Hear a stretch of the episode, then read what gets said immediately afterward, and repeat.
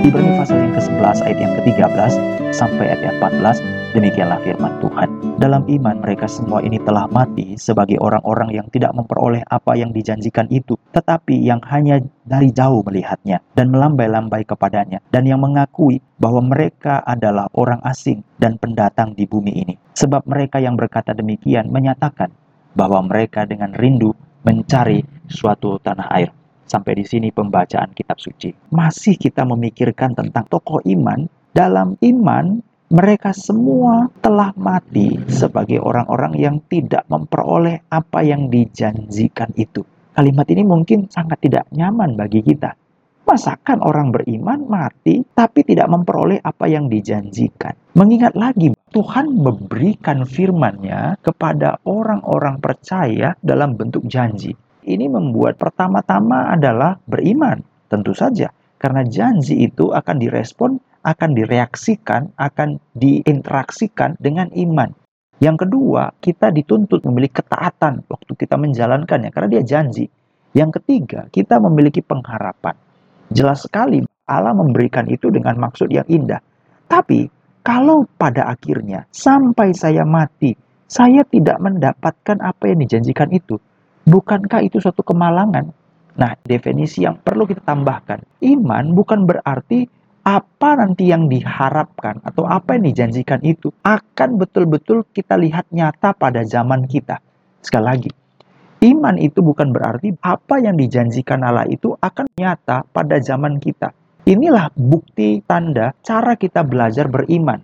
Iman itu adalah pada Allah. Kalau iman itu sumbernya dari Allah, janjinya dari Allah, kalau saya percaya kepada janji itu, maka percaya saja itu pada Allah, bukan pada saya. Kalau percayanya pada saya, berarti itu untuk kepentingan saya. Misalnya saya mendapatkannya, maka saya percaya, saya berbahagia.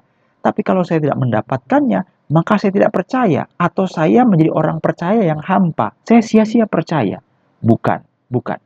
Kembali lagi, karena pusatnya adalah, fokusnya adalah Allah, maka kalaupun yang dijanjikan itu tidak terjadi pada zaman kita, waktu kita hidup, maka itulah justru disebut dengan ujian atau bukti bahwa kita juga orang beriman. Demikian juga dengan Abraham, saudara-saudara, dan orang-orang lain. Mereka adalah orang yang beriman, bukan karena mereka memperoleh apa yang dijanjikan, tetapi bahkan waktu mereka tidak memperoleh apa yang dijanjikan. Mereka adalah orang-orang beriman, bukan karena mereka memperoleh apa yang dijanjikan, tetapi walaupun mereka tidak memperoleh apa yang dijanjikan selama mereka hidup, mereka beriman. Janji itu digenapi, tidak peduli mau zaman saya atau bukan zaman saya, tapi janji itu digenapi. Ini orang beriman. Orang beriman itu tidak egois. Saya baru percaya kalau apa yang Tuhan janjikan digenapi pada zaman saya, itu baru aku percaya. Kalau aku tidak melihat apa yang dijanjikan pada masa aku, aku tidak mau percaya. Iman tergantung kita, itu bukan iman. Mari beriman dengan sehat, beriman dengan objektif, beriman dengan sungguh. Mari kita beriman dengan jujur. Waktu janji diberikan Allah, mau digenapi di zaman saya atau bukan zaman saya, itu nggak jadi soal. Karena fokus iman, pusat iman, tumpuan iman bukan pada saya, tapi pada Allah. Nah sekarang mari kita melihat dalam hal apa Abraham tidak memperoleh apa yang dijanjikan sampai dia mati. Bukankah dia peroleh Ishak anak yang dijanjikan Tuhan? Tetapi ada sesuatu janji yang lebih besar daripada itu, yang lebih luas daripada itu. Ini membuktikan bahwa orang beriman bukan egois. Kalau saudara berdoa dan doa saudara tidak dijawab Tuhan, mungkin saudara perlu berpikir, jangan-jangan yang kudoakan itu adalah untuk kepentinganku sendiri untuk diriku sendiri, untuk ego sendiri. Seringkali kita berdoa untuk kepentingan kita sendiri kita tidak mendapatkan apa yang kita doakan. Kenapa Tuhan? Aku tidak mendapatkan apa yang aku doakan. Kenapa bisa seperti ini terjadi? Memang karena yang kita doakan itu untuk kepentingan hawa nafsu kita. Yakobus pasal 4 ayat yang kedua. Kamu mengingini sesuatu, tetapi kamu tidak memperolehnya. Karena kamu tidak berdoa. Atau kamu berdoa juga, tetapi yang kamu doakan, kamu juga tidak dapat karena kamu salah berdoa. Di mana salahnya? Sebab yang kamu minta itu hendak kamu habiskan untuk memuaskan hawa nafsumu. maka digabungkan dengan istilah hai kamu orang-orang yang tidak setia. Jadi ada loh orang berdoa tapi sebenarnya dia bukan orang yang setia, orang yang tidak setia. Ketidaksetiaan itu ditentukan bukan dari intensitas, bukan dari sering tapi dari fidelitas. Seringkali orang datang beribadah itu untuk kepentingannya. Seringkali orang berdoa itu untuk mencari kepentingan hawa nafsunya. Padahal marilah kita melakukannya untuk kemuliaan Allah bukan untuk diri kita sendiri. Dalam hal apa Abraham disebut sebagai orang beriman, tetapi dia mati tidak memperoleh apa yang dijanjikan? Ada tiga. Yang pertama, sampai Abraham mati, Abraham tidak memiliki tanah yang dijanjikan oleh Tuhan. Kejadian pasal 23 ayat 1 sampai 4. Istri Abraham, Sarah, mati 127 tahun, meninggal dunia, lalu dia harus dikuburkan kan? Harus ada tanah atau tempat untuk menguburkannya kan? Abraham tidak punya tanah karena dia tinggal di kemah-kemah. Dia hidup sebagai pengembara. Alkitab mengatakan dia orang asing. Tapi istrinya mati, harus dikuburkan. Lalu Abraham berkata mendatangi Bani Het. Bani Het ini orang Kanaan. Aku ini orang asing dan pendatang di antara kamu. Berikanlah kiranya kuburan milik kepadaku di tanah kamu ini, supaya aku dapat mengantarkan dan menguburkan istriku yang mati. Dia hidup 100 tahun berjalan di padang penggembaraan menjadi orang asing, menturuti, melaksanakan janji. Tuhan memberikan tanah perjanjian. Tapi sampai istrinya mati, sampai nanti dia mati, dia tidak punya tanah sama sekali. Mana tanah yang dijanjikan Tuhan? Mana tanah yang dijanjikan Tuhan? Sampai mati dia tidak peroleh. Abraham harus membeli tanah itu. Saudara-saudara, ini bukti satu pelajaran yang boleh kita petik. Walaupun Tuhan menjanjikan orang percaya memiliki dunia ini, tetapi sama seperti Abraham dijanjikan tanah, dia membeli tanah itu. Demikian juga kita. Jangan sedikit-sedikit mentalnya minta. Jangan sedikit-sedikit mentalnya gratis Jangan sedikit-sedikit mentalnya dapat free. Anak Tuhan punya Allah pemilik alam semesta. Tapi dalam kehidupan sehari-hari rela berkorban. Keluarkan uang, korbankan materi. Itu prinsip. Walaupun kita adalah orang yang memiliki janji. Walaupun kita adalah ahli waris dari janji-janji Allah. Belajar seperti Abraham. Demikianlah pada waktu kita belajar Alkitab, saudara-saudara Abraham sampai istrinya mati, sampai mereka mati. Mereka tidak dapat yang dijanjikan oleh Allah. Itu yang pertama. Yang kedua, keturunan yang sangat banyak. Dia tidak dapat. Bukankah dia mendapatkan anak? Ishak, Ismail, ada enam orang lagi, Medan, Midian, Yoktan, dan seterusnya. Bukankah itu anak-anaknya? Bukan. Alkitab mengatakan jumlah dari perjanjian, keturunan perjanjian itu tidak banyak. Tidak banyak.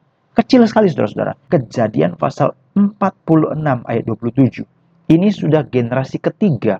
Jadi cucu dari Abraham bernama Yakub pada waktu dia ada kelaparan yang mengancam keluarga itu akan musnah, akan binasa. Tetapi Yusuf sudah pergi ke Mesir. Lalu apa yang terjadi? Mereka akhirnya tahu bahwa Yusuf masih hidup. Lalu Yusuf mengirimkan pesan kepada saudara-saudaranya untuk membawa semua keluarganya termasuk Yakub pergi ke Mesir. Yakub sebenarnya tidak mau. Karena dari bapak leluhur sudah dijanjikan tanah ini.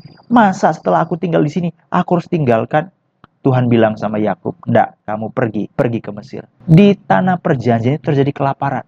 Nah, kita bicara jumlah ya. Pada waktu mereka pergi ke Mesir, berapa banyak sih jumlah mereka? Tidak sampai 100 orang. Sudah tiga generasi, saudara-saudara.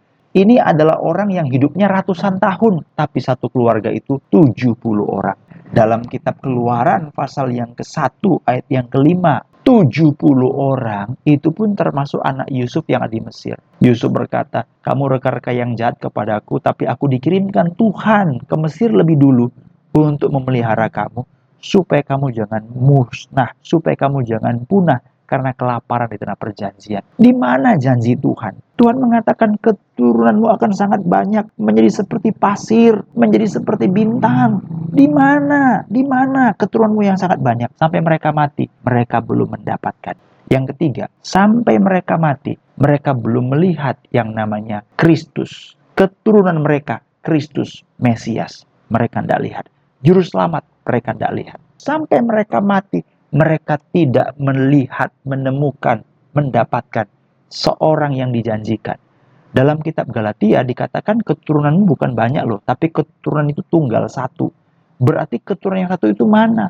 Lahir, lahir, lahir, lahir. Tapi mana yang satu itu? Sampai mereka mati, mereka belum melihat Kristus. Ibrani pasal yang ke-11 ayat yang ke-26, istilah Kristus itu muncul pada zaman Musa. Musa melihat Kristus atau Musa meninggalkan Mesir karena dia merasa penghinaan Kristus itu tidak layak dengan kemewahan Mesir. Jadi dia membicarakan Kristus. Bagaimana zaman Musa, dia sudah memikirkan tentang Kristus. Tapi Kristus yang dipikirkan Musa itu belum ada. Pada zaman Abraham pun belum ada juga. Tetapi walaupun seperti itu, dalam Yohanes pasal yang ke-8, saudara-saudara, Yohanes pasal 8 ayat 56, Yesus mengatakan, Abraham berbahagia, bersuka cita melihat hariku. Abraham itu sebenarnya sudah tahu tentang Kristus. Abraham itu berbahagia tentang melihat, mengingat, membicarakan tentang Kristus. Tapi sampai dia mati, dia belum melihat Kristus lahir sebagai manusia. Ada banyak yang dijanjikan Allah, tapi sampai Abraham mati, sampai orang-orang leluhur ini mati, sampai orang-orang percaya ini mati, mereka tidak mendapatkannya sampai mereka mati, mereka tidak dapat tanah yang dijanjikan. Tapi walau seperti itu, mereka dari jauh melihatnya dan hanya melambai-lambai kepadanya dan mengakui bahwa mereka adalah orang asing dan pendatang yang di bumi ini. Ini merupakan satu hal yang indah. Walaupun tidak didapatkan dengan nyata, tapi mereka bisa melihat dengan iman, hanya dari jauh melihatnya dan melambai-lambai kepadanya. Ini bukan orang egois. Orang beriman itu adalah bukan orang yang mendapatkan di tangan, bukan orang yang langsung mendapatkan apa yang dijanjikan dalam hidup sekarang ini. Itu bukan orang beriman. Jadi jangan bilang kita orang beriman karena iman, maka apa yang dijanjikan harus kita dapatkan. Bukan. Sampai kita mati, mungkin apa yang dijanjikan oleh Allah tidak kita dapatkan. Tetapi kita orang beriman. Kenapa?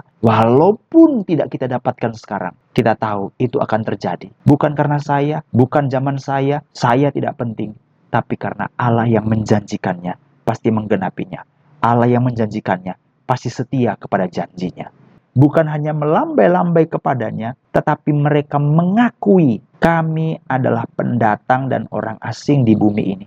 Tidak berharap banyak, tidak berharap melampaui daripada apa yang diberikan oleh Tuhan. Kami hanya orang asing dan pendatang. Ada banyak orang rela menghalalkan segala cara, rela mengorbankan kesucian, kesucian hidupnya, kehormatan dirinya. Demi apa? Demi hal-hal jasmani, supaya dapat handphone, supaya dia bisa beli rumah, supaya dia buat ini, buat itu, korupsi macam-macam, mempermainkan pekerjaan Tuhan. Allah sudah berikan sesuatu pekerjaan yang baik, tapi dia buang, dia tidak hargai, dia pikir ini yang harus aku capai. Kita menjadi orang yang merendahkan apa yang disediakan oleh Allah. Belajarlah untuk merasa cukup dan berkata, "Aku adalah orang asing dan pendatang." Kami rindu mencari suatu tanah air. Ada sesuatu yang disediakan yang lebih indah di sana. Bukan ini, karena di sana itu, itulah yang disediakan oleh Allah bagi saya.